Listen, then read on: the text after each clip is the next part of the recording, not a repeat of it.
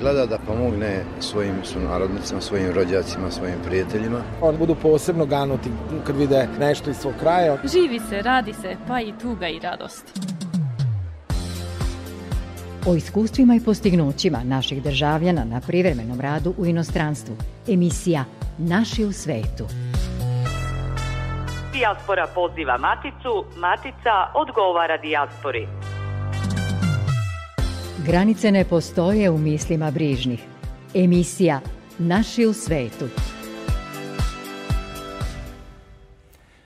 Dobroveče poštovani slušaoci, ovo je emisija koja slavi naše pretke u svetu, ali i uspehe našeg rasejanja, gde god da se nalazi naš čovek. U narednih 45 minuta o danu primirja u Prvom svetskom ratu prisetit ćemo se naših predaka koji su se borili za slobodu u Slovačkoj. Potom vam predstavljamo našeg uspešnog licenciranog trenerka, trenera Anđelka Mandića, koji vodi košarkaški univerzitetski klub Deac u mađarskom Debrecenu. Čućete i kako je naša dijaspora u Americi dočekala tri folk dive u Čikagu. Sa vama su za tonskim pultom Raško Aljić, a pred mikrofonom Goran Pavlović. U Srbiji i svetu obeležava se dan primirja u znak sećanja na 11. novembar 1918. kada su sile Antante potpisale primirje sa Nemačkom i time okončale Prvi svetski rat. Centralnu državnu ceremoniju polaganjem venaca na spomen kosturnicu branilaca Beograda u Prvom svetskom ratu na Novom groblju u Beogradu predvodio je ministar Nikola Selaković koji je poručio da se pobedom u Velikom ratu srpski narod svrstao u velike narode. Povodom obeležavanja Dana primirja u Prvom svetskom ratu, učenici dopunske nastave na srpskom jeziku u Štutgartu i okolini održaće sutra priredbu u zgradi Generalnog konzulata Srbije u tom gradu. Organizatori manifestacije su đaci Srpske dopunske škole i nastavno osoblje, Generalni konzulat Srbije uz veliku podršku roditelja učenika. Obrazovno-vaspitni rad na srpskom jeziku i inostranstvu u organizaciji je Ministarstva prosvete Srbije i izvodi se za učenike srpskog porekla porekla koji žive u inostranstvu, a koji su se izjasnili za taj vid nastave.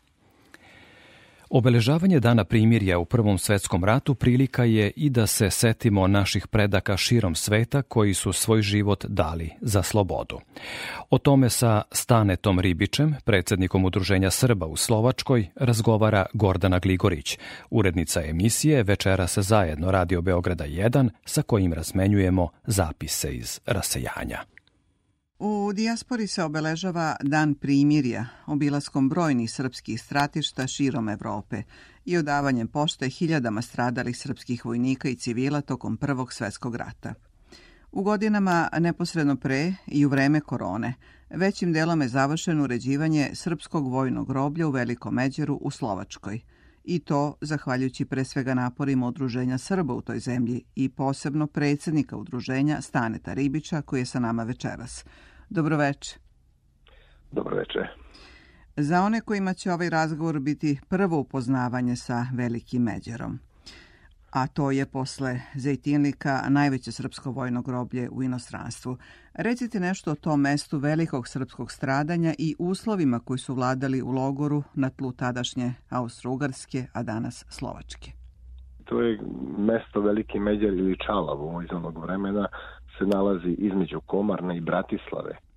To je blizu granice sa Mađarskom i to je bilo bio jedan od logora u Prvom svetskom ratu gde su bili dovoženi zarobljenici, vojnici, a prvi zarobljenici toga logora su bili prva timočka divizija. Svi oni koji se nisu udavili kad su prelazili Savu bili su zarobljeni poslati u taj logor. I oni su bili prve žrtve. S obzirom da se mislilo da će prvi svjetski rat da traje kratko. U početku nisu bile građane ni barake, već su zatvorenici, logoraši bili spavali pod vedrim, vedrim nebom uh, u nesnosnim uslovima jake zime, tako da su kopali rukama zemlju, od toga pravili zemunice da se ne bi posmrzavali, a pokrivali su se telima umrlih logoraša, dok im to nisu oduzeli ta tela i odneli. U periodu od novembra, decembra do februara meseca je umrlo oko 2 do 2,5 ljudi. Tako da, onako po znacima navoda kažemo da se upravi logora isplatilo da izgradi željeznice, ali više nimo ko da nosite ta umrla tela koja su u početku sahranjivana pojedinačno, a posle masovne grobnice, da su te grobnice bile od 5 do 15 pa čak i 20 ljudi i a groblje je bilo udaljeno negde otprilike oko 3 do 4 km od samog logora. Sam logor je bio na željezničkoj stanici, odmah pored željezničke stanice, jer bilo je to i normalno u to vreme da se tako uradi i a, direktno iz a, vagona koji su bili deportovani, koji su bili dovoženi, su odmah išli u logore, a neki nažalost su išli odmah i na groblje. Mnogi su tako i, i ostavili živote, mnogi su bili nezapisani ili nisu čak imali ni imena ni prezimena, zato se i pretpostavlja sad se barata sa nekim ciframa od 5.500 od 5434 umrlih logoraša, međutim zna se da je to sigurno kosti ostavilo preko 7000 duša. Kada smo razgovarali prošle godine takođe povodom Dana primirja, pomenuli ste da je ostalo da se završi sređivanje ograde i eventualno postave klupe. Nadali ste se finansijskoj pomoći države. Jeste li uspeli da završite sve planirane radove? Pa, nažalost, nismo uspeli da završimo, sva ova previranja i u samoj Srbiji i stvaranje vlade i mm, izbori, šta ja znam, dali su do toga da je se to sve zaustavljeno. Mi imamo taj plan i program, potrebno se još neka finansijska sredstva i ja se iskreno nadam dobili smo sad neka obećanja da će se to pokrenuti. Iskreno se nadam da će nadležne institucije i nadležni ljudi pokrenuti i pomoći nam da završimo to zaista monumentalno mesto e, srpskog strananja u Prvom svetskom ratu. U Velikom Međoru je stradalo više od 6000 zarobljenih srpskih vojnika i civila. To je najveće, ali ne i jedino srpsko groblje na tlu današnje Slovačke. Pomenite nam još neka mesta gde počivaju naši preci. Pa vidite ovako, možemo reći da po celoj Slovačkoj postoje groblje. Ne, ne znam da li postoji groblje u Slovačkoj gde nisu barem sakrenja jedan, dva ili deset Srba iz tog perioda. Znamo u kom broju umirali Srbi u Prvom svetskom ratu, da li su to bili civili ili su bili vojnici onog vremena, ali je, najbolje to pokazuje knjiga Isidora Đukovića, Nađ Međer Dolina smrti, Austro-Ugarski logor za Srbe. A, tako da tamo postoji spisak gde je on istraživao, gde se nalaze svi ti Srbi sahranjeni. Znači, nalazi se i u Bratislavi, i u Dunajskoj stredi, i u Trenčinu, i u Novim zamkama, i u Komarnu. Hvala vam na izvojenom vremenu i velikom trudu koji godinama ulažete kako bi svaka srpska žrtva iz Prvog svetskog rata bila obeležena po imenu i prezimenu kako bi se znalo odakle su rodom. Hvala i vama što ste zvali i, i treba mnogo, mnogo o tome pričati, prenositi makar na ovaj način mlađim generacijama da takva mesta postoje i da mogu da se uvek poklone senima svojih predaka. Stane Ribić, predsednik Udruženja Srba u Slovačkoj, bio je zajedno sa nama večeras. Hvala. Vežu nas događaj, misli, kultura i tradicija. Emisija Naši u svetu – U emisiji Naši u svetu Radio Novog Sada idemo u susednu Mađarsku, u Debrecen. Tamo se nalazi košarkaški trener Anđelko Mandić. Dobroveče i dobrodošli u naš program i našu emisiju, Anđelko. Dobar dan, ili do, dobroveče u stvari. Vi ste rodom, Anđelko, iz Bačke Topole. Kako se dogodio Novi Sad. Pretpostavljam da ste tu došli na fakultet pre nego što ste se kasnije vinuli u sportske vode, trenerske i otišli u region da radite. Da, da, ja sam iz, iz Bačke Topole rodom, kasnije sam se preselio, sa suprugom smo se odselili u Beograd, ali u Novom Sadu sam završio fakultet za sport, znači to se tako, tako se izdešavalo da sam ja u stvari fakultet završavao još dok sam bio igrač. Vi ste, kažemo, licencirani košarkaški trener, Šta podrazumeva licenca? Hajte na početku odmah to da objasnimo. I kako se do nje dolazi? Pa licenca, da kažem, ta trenerska licenca tog naj, najvišeg nivoa, to takozvana ta FIBINA licenca, ona se dobija tako što mora da se završi određena škola, da li fakultet ili strukovne studije i onda se to dostavlja udruženju košarkaških trenera Srbije, preko kojih se to i onda preko njih se dobija od FIBE ta takozvana Fibina licenca koja je stvari koja bi trebala da bude dovoljna za rad u svim zemljama na svetu, ali svaka država, ne baš svaka, ali većina država ima još neke svoje da kažem posebne uslove, sad tu preko leta da se treba posje, trebaju se posjećivati određeni seminari, ta neka usavršavanja da bi se kao obnavljala ta, ta licenca, ali to su u suštini sve korisne stvari koje ovaj svaki trener pogotovo na tim seminarima, usavršavanjima, uvek se nešto novo nauči, čuje, vidi se sa kolegama, priča, tako da to su sve dobre i korisne stvari, ali kažem, suština je da se završi, da se završi ovaj fakultet i, i onda na osnovu toga. Mi ćemo se naravno vratiti na vaš život u susednoj Mađarskoj i u Debrecenu, međutim našu javnost uvek zanimaju teme e, koje su vezane za sport, sportski život, za trening i uopšte ono što se dešava u tom svetu. Vi ste završili fakultet za sport u Novom Sadu. Tako je, tako je. Igrali ste za domaće sportske klubove, u kojim gradovima i za koje klubove? Pa igrao sam za Subotički Spartak u Vrstu, u Lionsu, u Radničkom Novom Sadu jedno vreme. To je u principu naj, najveći deo, igrao sam u Vizuri u Beogradu, ali najveći deo vremena sam proveo u Subotičkom Spartaku. Pre nego što sam otišao u, in, u inostranstvo kao igrač, jer ja sam još kao igrač otišao u inostranstvo i onda sam i ostao tamo da radim kao trener. Ja sam prvi trenerski posao dobio u Rumuniji, ja sam u Rumuniji završio igračku karijeru, onda sam tamo i nastavio ovaj, trenersku karijeru. U stvari tamo sam započeo trenersku karijeru. Za koji ste klub igrali u Rumuniji? Igrao sam za Oradeu, tako se zove klub, tamo sam igrao poslednje tri godine svoje igračke karijere, a trenersku karijeru sam počeo u Krajovi. Kakva su iskustva iz Rumunije dok ste bili igrač?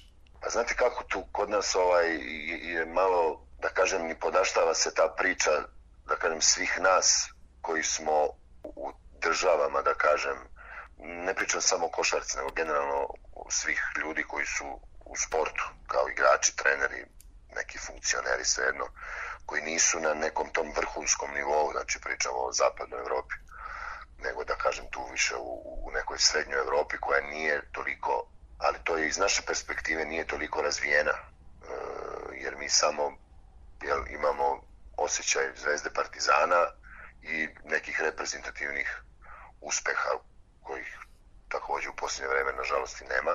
Iskreno ja nemam neke predrasude, ali kad sam išao u Rumuniju, to je davno bilo 2008. godine.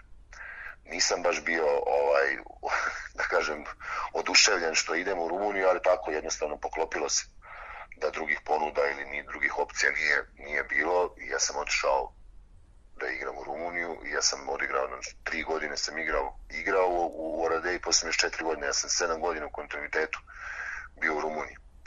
I mi imamo te, te predrasude prema Rumuniji, Rumunima i tako dalje, koje uopšte nemaju nikakve veze sa realnošću.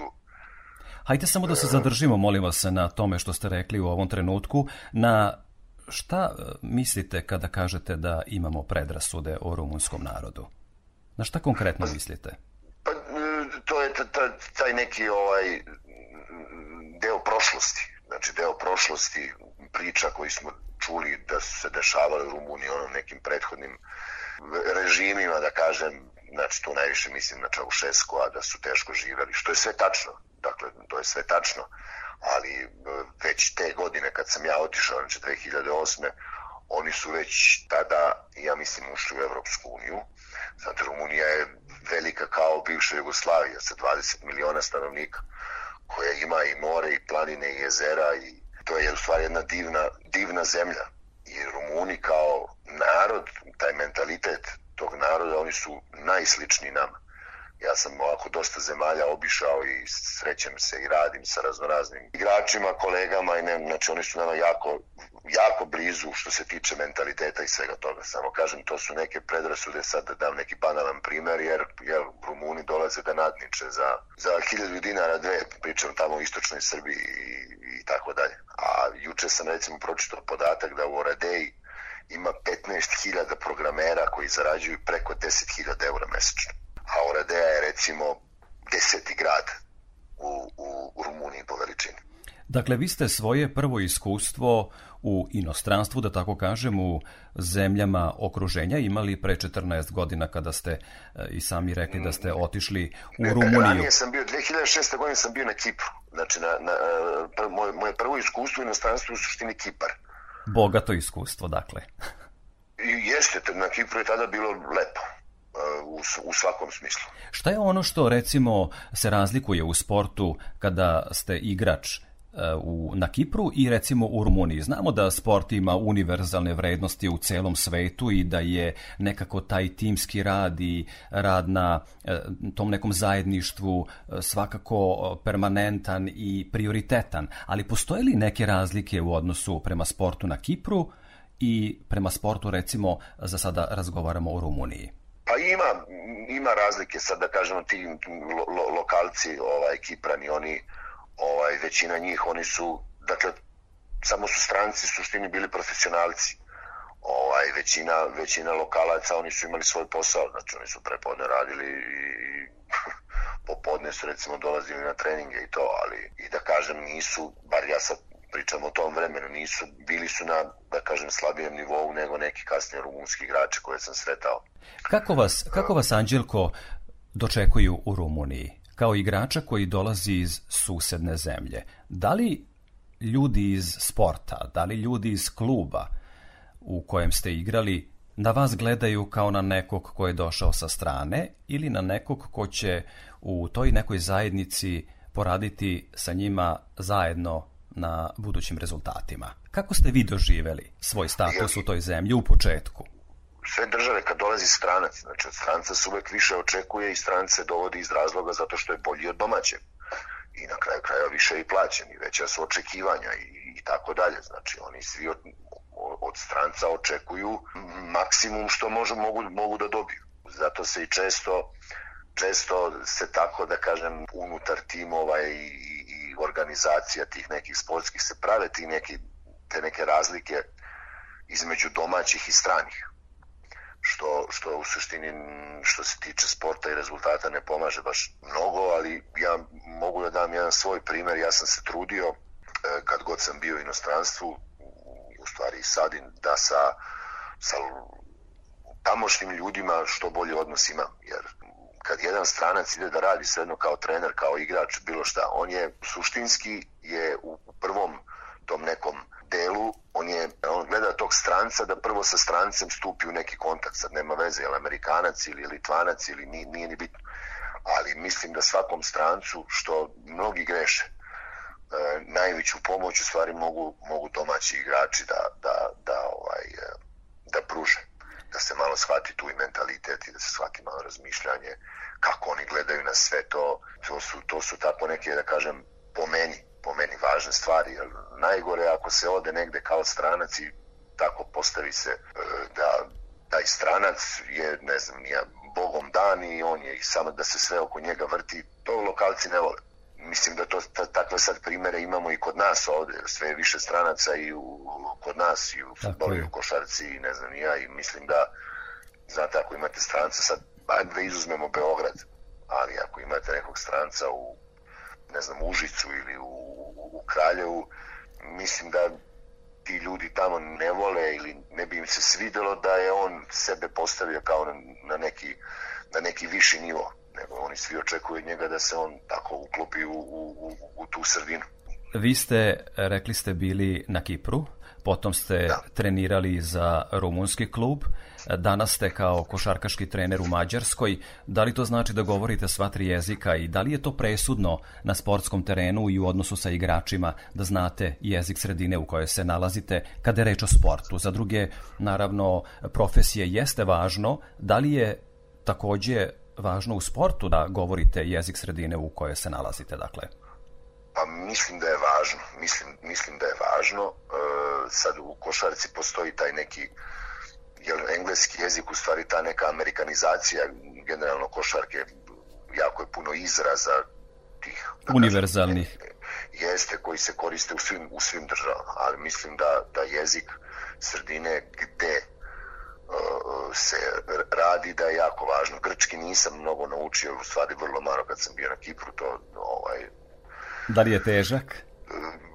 i malo i komplikovan jeste, ali bio sam suštini sam bio okružen strancima, sve su jako bilo puno i naših, da kažem, iz regiona, jel? ne samo iz, iz, iz Srbije, nego i, ja, i puno smo se i družili generalno, tako da, a sa ovaj, lokalcima je to bio više engleski, tako da grčki nisam, ne mogu da kažem da sam naučio. Međutim, ako vam kažu jasas ti kanete, ja verujem da, da to razumete. To, da, te stvari, da, te, te neke ovaj, te neke stvari su da ovaj, a, rumunski sam naučio rumunski i mogu i da pričam i razumem ovaj rumunski jezik. Mađarski jezik, njega znam svakako, pošto mi je majka mađarica, tako da ja sam naučio mađarski jezik još kao mali, tako da to mi s mađarskim mi nije, nije problem, koji je takođe onako težak, težak jezik, ali kažem, imam tu sreću. Mada, o, samo da se vratim na to, na te lokalce, da tako kažem, odnosno ljude iz Srbije, oni, oni svi vrlo cene vrlo cene ovaj e, igrače koji bar pokušavaju da nauče njihov jezik. Trenere isto tako. Da, i to je jedna od univerzalnih vrednosti u svetu, da vas mnogo bolje dočekaju u sredini ako vide vaš trud i ako je on zaista primetan da savladate jezik sredine u kojoj se nalazite. Doduše i mi bismo bili takvi ovde u Srbiji, zar ne? I mi bismo voleli da oni ljudi koji dolaze na privremeni rad u našu zemlju, da se prilagode ovde u tom smislu da nauče po koju srpsku reč kako bismo se lakše sporazumevali. Sigurno, sigurno, pa kažem, to bi mi voleli. Recimo u futbalu, u futbalu je e, malo drugačije, recimo ovaj, jako puno ima klubova po, po, po celoj Evropi gde su futbaleri čak ugovorom su vezani da, da dobijaju časove, dakle dobijaju časove tamo tog jezika gde u kojoj državi su da, da ovaj uče, uče jezik. I to je recimo u futbalu malo bolje regulisano, ali opet kažem, u košarci mislim da nije toliko jer opet kažem taj neki engleski jezik je, je baš dominantan u, u košarci ti izrazi ne znam nijako koji su vrlo, kako bih rekao, jasni i taj deo, taj košarkaški engleski jezik mislim da skoro svi razumeju. Da, to je na neki način univerzalni jezik u sportu kao što je recimo latinski kao što je latinski u medicini. Recimo, recimo, da. da. da. Vratimo se samo, dakle, na Mađarsku sada. Vi ste trenutno u Debrecenu, tamo ste e, trener. U kom klubu? E, klub se zove e, Deac, to je univerzitetski, univerzitetski klub. Dakle, to je Deac u, u suštini košarkaška sekcija. Znači ima ima ovaj svi mogući sportovi koji ja mislim koji postoje ovaj unutar unutar tog kluba. Dakle kao kod nas neki ne znam nija koji je kod nas bio univerzitetski je to, ali je univerzitet, univerzitet u Debrecinu je, je ovaj, je, oni upravljaju s tim, da tako kažem, i najvećim delom i finansiraju. Da li možete da mi kažete, da li postoji neka razlika između toga kako na sportske talente gledaju kod nas u Matici, a kako gledaju tamo u Mađarskoj? Postoji li tu neka razlika? Između Srbije i Mađarske? Pa postoji. U kom smislu? Mađari generalno oni su, oni su uspešniji u individualnim sportovima. Dakle, ako izuzmemo, izuzmemo waterpolo gde su, gde su ovaj, takođe isto kao i mi, ajde da tako, da tako kažem, imali vrlo dominantne periode, sad su tu nešto podmladili pa ponovo ovaj, e, prave nešto, ali oni su više, više u tim nekim individualnim sportovima, recimo plivanje, mačevanje i tako ta, rvanje, znači on više, više oni vole, odnosno bolje rezultate prave tim individualnim sportovima nego kolektivnim. Naravno u Mađarskoj kao i svud u Evropi futbal je broj jedan. Je broj jedan bez, znači bez, bez premca da tako kažem. Čini se da je to tako u svetu? Pa u Evropi, u Evropi, u Evropi je apsolutno. U Evropi recimo ima samo, samo jedna, jedna država za koju ja znam da, da futbal nije sport broj jedan i to je u stvari jedina košarkaška zemlja na svetu, to je Litvanija, u, u Litvaniji je košarka sport broj 1.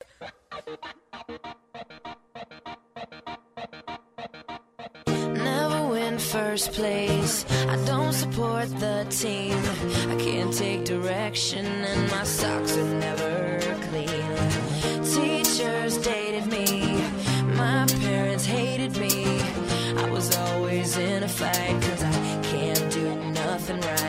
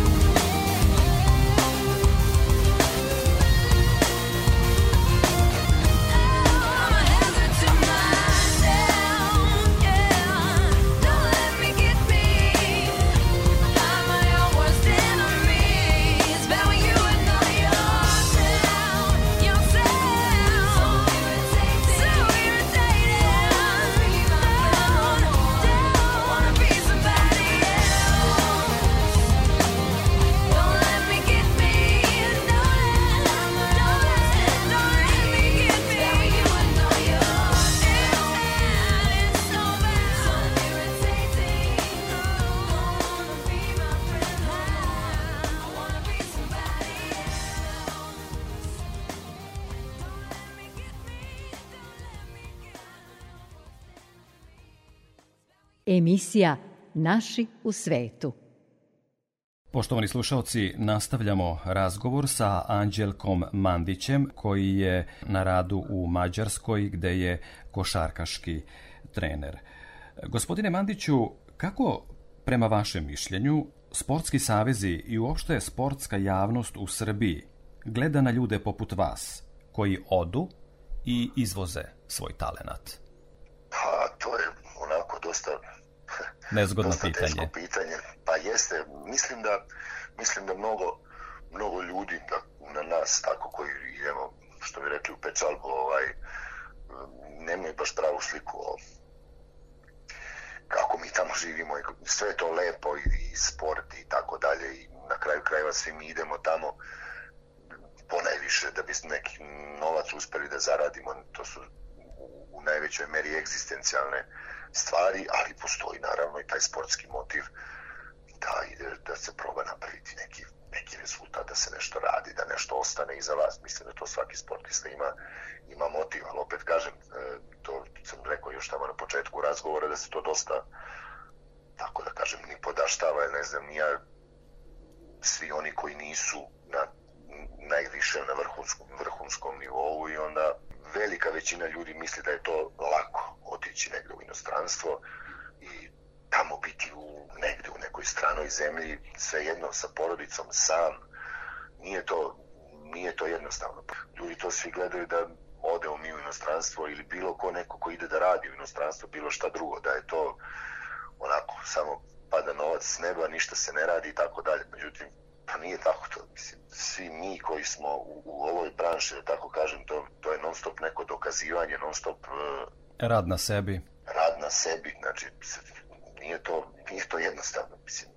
Da, postoji ta predrasuda, ako smem da primetim iz prethodnih razgovora sa mojim sagovornicima, sa našim ljudima, dakle, koji rade u svetu, postoji ta predrasuda u Srbiji da ljudi koji odu praktično nemaju nekih većih problema, da ih tamo čeka uspeh, da ih tamo čeka novac zbog kojeg su po najviše i otišli da je onda lako komentarisati događaje u Srbiji iz neke drugačije perspektive i bogatije sredine. Međutim, iz svih tih razgovora, dakle do sadašnjih komunikaciju sa ljudima koji su našeg porekla, a za potrebe emisije Naši u svetu, Radio Novog Sada, zaključio sam da taj rad na sebi u drugoj sredini mora da bude kontinuiran i mora da bude e, stalno, da tako kažem, dokaziv toj sredini u kojoj se nalazite, jer i sami ste pomenuli da ste stekli utisak da u drugoj sredini od jednog stranca očekuju mnogo više nego od lokalnog sportiste. Tako je, tako je, jer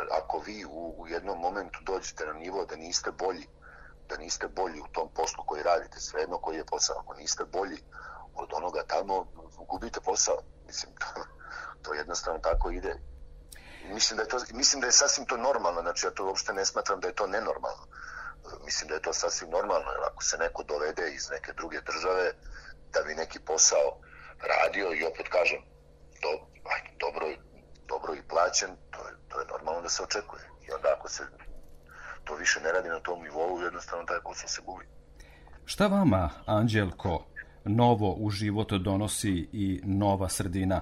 Osjećate li da ste ostvarili ono što ste očekivali recimo u Mađarskoj, gde ste trenutno na radu? Je li to suviše lično pitanje? Pa nije, mislim, nije suviše lično.